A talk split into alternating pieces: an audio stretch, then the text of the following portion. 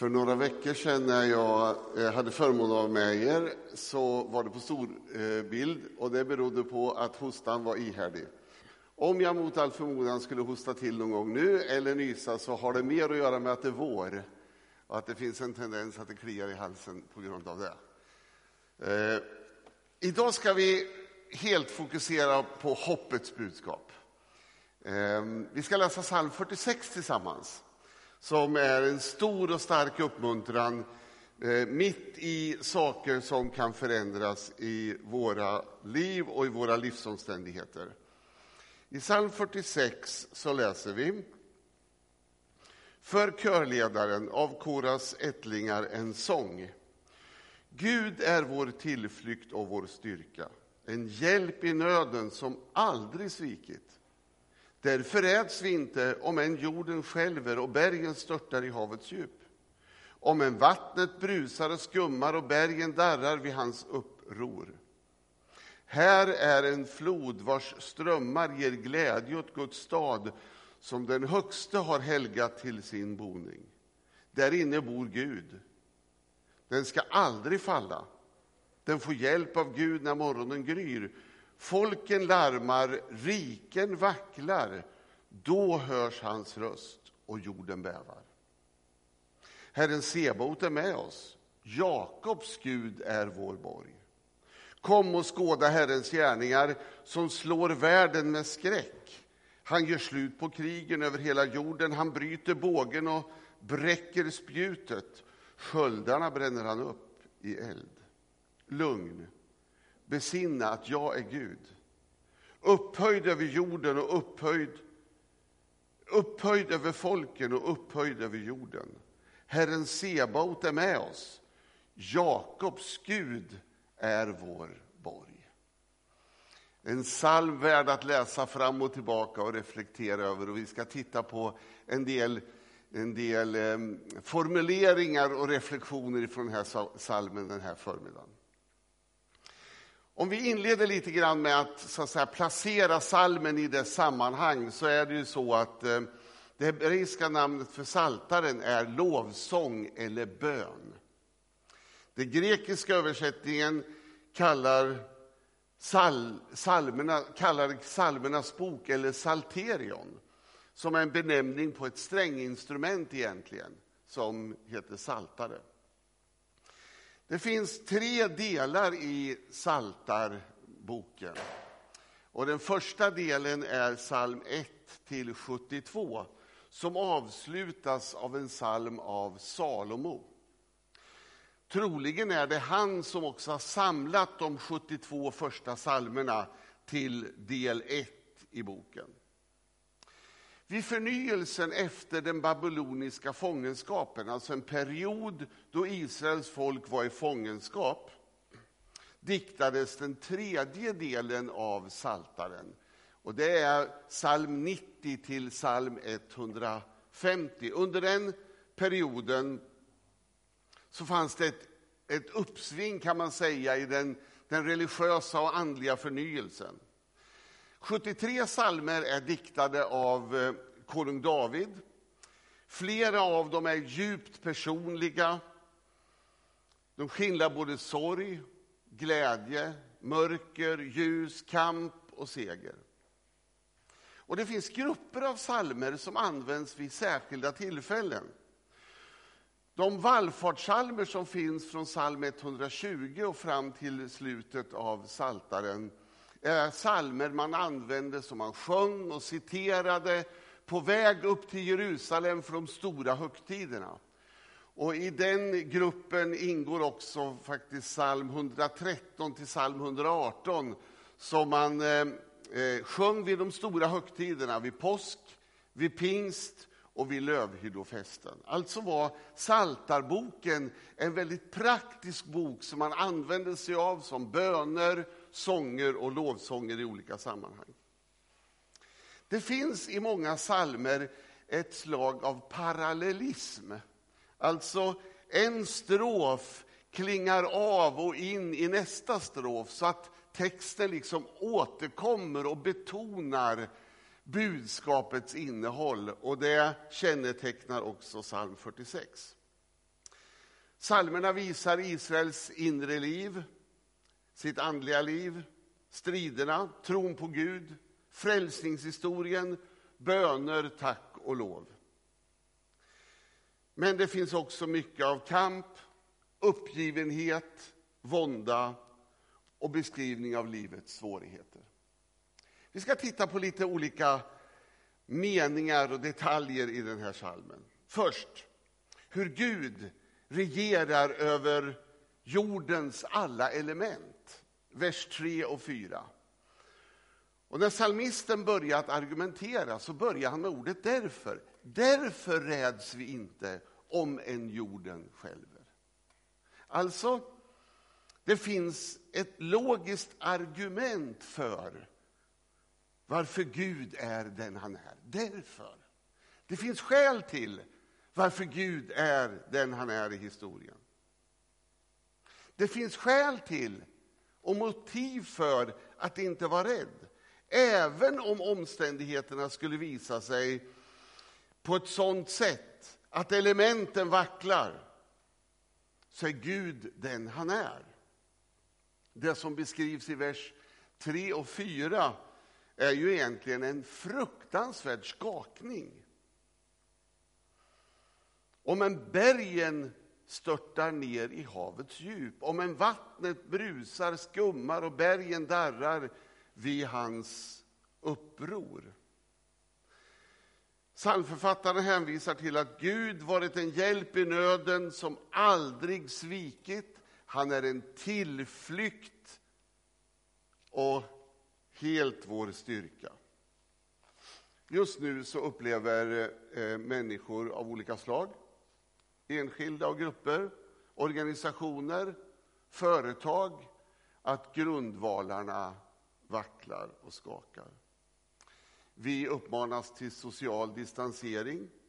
Ensamma människor kan uppleva ensamheten ännu djupare än någon gång tidigare. Människor i 70-plus-åldern med underliggande sjukdomar uppmanas att starkt isolera sig. Frivillig karantän, ensidighet, oro kan bli större än någon gång tidigare i livet. Människor upplever hur vardagen skakar, organisationer genomlider svårigheter och företag som byggs genom generationer står vid randen av konkurs. Även företag i vår närhet, som vi kanske har personliga relationer till eller känner väl, kämpar och kanske några har redan fått ge upp. När grundvalarna skakar kommer vi antingen att fly bort ifrån Gud eller fly till Gud.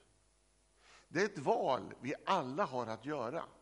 Grundvalar har skakat i historien, grundvalar skakar igen. Omständigheterna är inte alltid för oss och vi har ett val att göra. Vi kan fly bort ifrån Gud eller vi kan fly till Gud. Vi läser också i den här salmen att Gud regerar över länder och folk. Folken larmar, riken vacklar. Då hörs hans röst och jorden bävar. Ibland kan det se ut som att länder och folk med onda avsikter övervinner människor med tro på Bibelns Gud. Efter kristendomens storhetstid så drar islam fram som en präriebrand runt år 600 efter Kristus.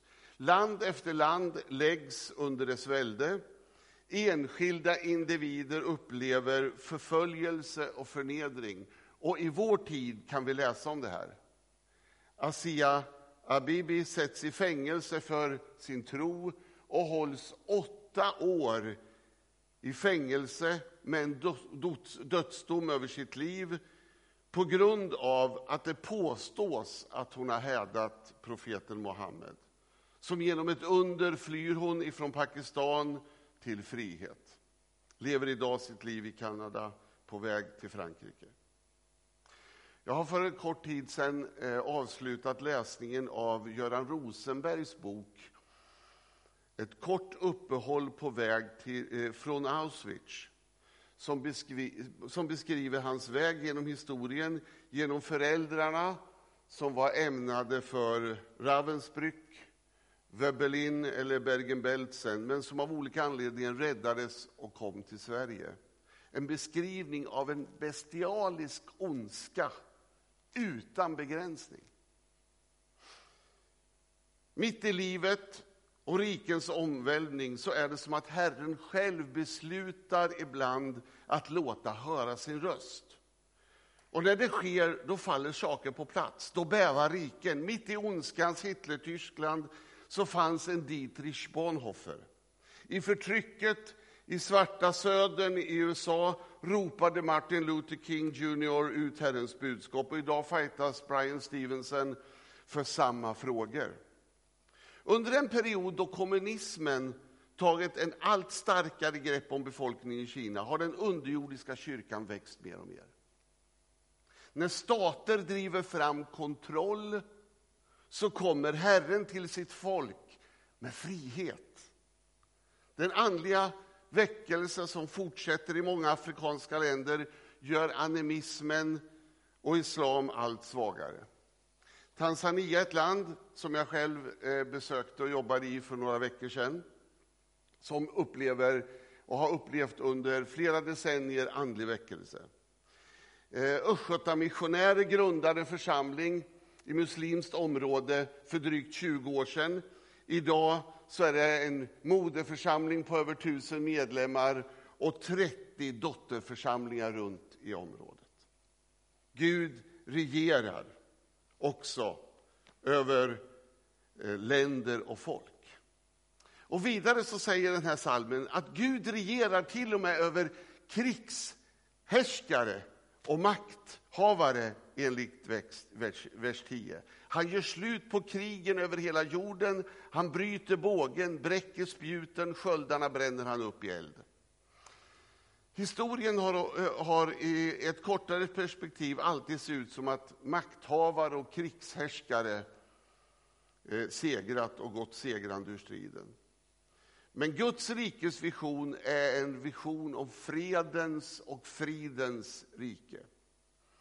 Uppenbarelseboken är fylld av bilder som ytligt betraktat talar om hur ondskan handlar. Men det handlar slutligen om att lammet som blev slaktat är värdig att ta emot makten enligt eh, Uppenbarelseboken 5. Och när denna apokalyptiska bok med dramatiska bilder ska beskriva sin fulländning i Uppenbarelseboken 22 så berättas det om överflöd av liv, överflöd av tillgångar, hälsa i överflöd, Guds närvaro är total medan ondskan är slutligt utrotad. Och Jesaja profeterar i det nionde kapitlet Stöven som bars i striden och manteln som fläckats av blod, allt detta ska brännas, förtäras av eld. Ty ett barn har fötts. Jesus Kristus, om inte gör ondskan slutligen. Nu, ger, nu ser, ser, det ut som att eh, konflikternas människor, de regerar. Islamska eh, ayatollor, Donald Trump, Kim Jong-Un, Xi Jinping eller Viktor Orbán i Ungern. Och det, när jag noterade de här namnen så noterade jag att alla är män. Det kan vi ju reflektera över. Det kommer en tid när människor med samma anda som biskop Tutu, Nelson Mandela, Dag Hammarskjöld eller Af eh, Afrikas första kvinnliga president Eh, Ellen Johnson Sirleaf kommer till makten. Om inte annat så kommer Gud själv slutligen gripa in. Om inte göra krigshärskarna och dess makthavare. Och så står det vidare att Gud uppenbarar sig som Jakobs Gud. En intressant reflektion som återkommer två gånger i texten. Jakobs Gud är vår borg. Vad säger det? Ja, det finns något stort över Jakob som stamfar till Israel. Men storheten ligger inte i första hand i Jakobs eget liv som var fyllt av komplikationer. Storheten ligger i Guds löften och på vilket sätt Gud uppenbarar sig i Jakobs liv. Jakobs Gud är vår borg. Under en lång följd av år lever Jakob nämligen i en form av förljugenhet. Han, han agerar på andras bekostnad i sin egen familj. Han blir själv lurad i sin egen släkt och han bygger sitt eget företagande genom att utnyttja andras svaghet. Det finns mycket intressant läsning kring detta. I det läget hjälper det inte var han befinner sig eller lever sitt liv. Under ganska många år kämpar Jakob för att få det förverkligat som är hans dröm. I Första Mosebok 31 kapitel så berättas det om hans relation till släktingen Laban. Och i det sammanhanget verkar det som att allt det han gör handlar om att slita ont.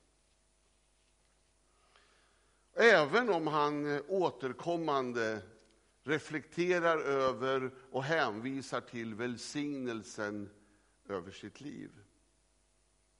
Han lurar och blir lurad. Han bedrar och blir bedragen.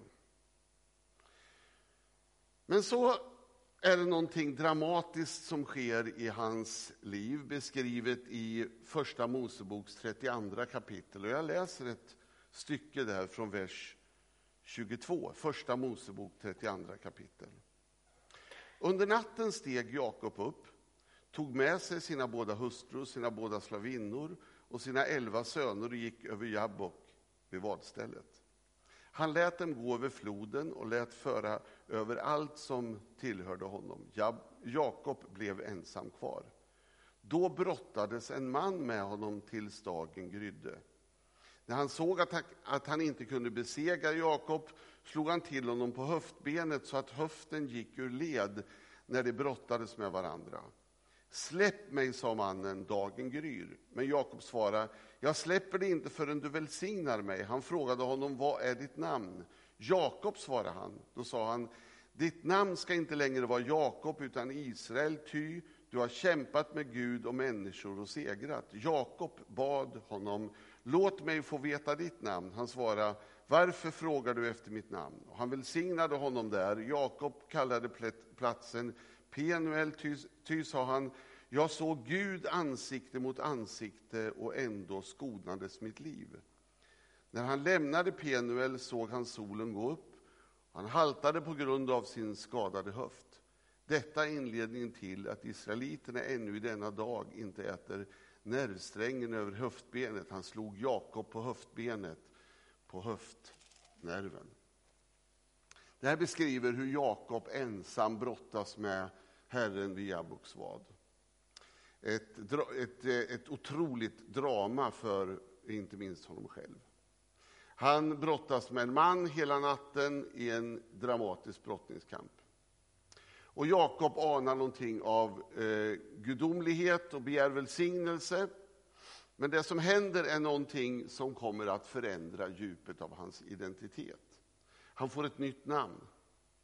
Från Jakob bedragaren till Israel, kämpat med Gud. När han lämnar platsen ser han solen gå upp och han haltar på sin skadade höft. Det som sker med Jakob är, är att han till slut möter sig själv. Han möter sin egen förljugenhet. Han tillåter att Gud sätter sitt märke på hans liv. Det leder också till att han kan fortsätta att leva sitt liv i ett nytt ljus. Han försonas med sin omgivning. Det mest dramatiska efter den här händelsen är att han försonas med sin bror Esau. När psalmförfattaren eh, eh, reflekterar och refererar till Jakobs Gud så är det Gud som är i centrum mer än Jakob. Trots allt så visar sig Gud trofast trots Jakobs egen trolöshet och förljugenhet. Jakobs Gud handlar om att Gud står för sina löften trots allt. En Gud som håller hela vägen, mitt i våra brister. En Gud som följer vad han lovat och fullföljer vad han lovat när vi ger upp. En Gud som genom bristfälliga människor uppenbarar sin storhet. En Gud som möter oss där vi är precis som Jakob slutligen möter Gud vid Jabboks vadställe. En Gud som står för allt det han har sagt. Det är så salmisten refererar till Jakobs Gud. Och så slutligen, Gud inbjuder oss till lugn, ro och frid mitt i allt. Lugn, besinna att jag är Gud. Tänk efter. På vilket sätt har Gud hjälpt dig i tider som ligger tillbaka? Genom kriser, genom svårigheter, sjukdom eller kanske annan nöd. Gud är en Gud som är upphöjd både över folken och över jorden. Gud är inte en Gud, Bibelns Gud är inte en Gud som har tillfälliga humörsvängningar eller påverkas av den dagliga väderleksrapporten. Gud ramlar inte av pinnen när han följer dramatiska börssvängningar eller nedgång i oljepriset. Gud är inte en lynnig, självupptagen andevarelse med ett överjag som kan plötsligt drabba oss i våra svårigheter. Gud är både höjd över allt sammans och samtidigt är han i Jesus Kristus djupt delaktig i vår kamp, våra svårigheter, våran ensamhet, känsla av övergivenhet. Han är inte en Gud som inte känner med oss. Mer än så. Han går med oss. Han följer oss och identifierar sig med oss. Gud är vår tillflykt och vår styrka. En hjälp i nöden som aldrig sviker. Sådan är Bibelns Gud. Det ger hopp mitt i skakningar. Den kristna tron och kyrkan har aldrig talat om att saker inte kan skaka, att händelser inte kan drabba, att sjukdom inte kan komma i vår väg.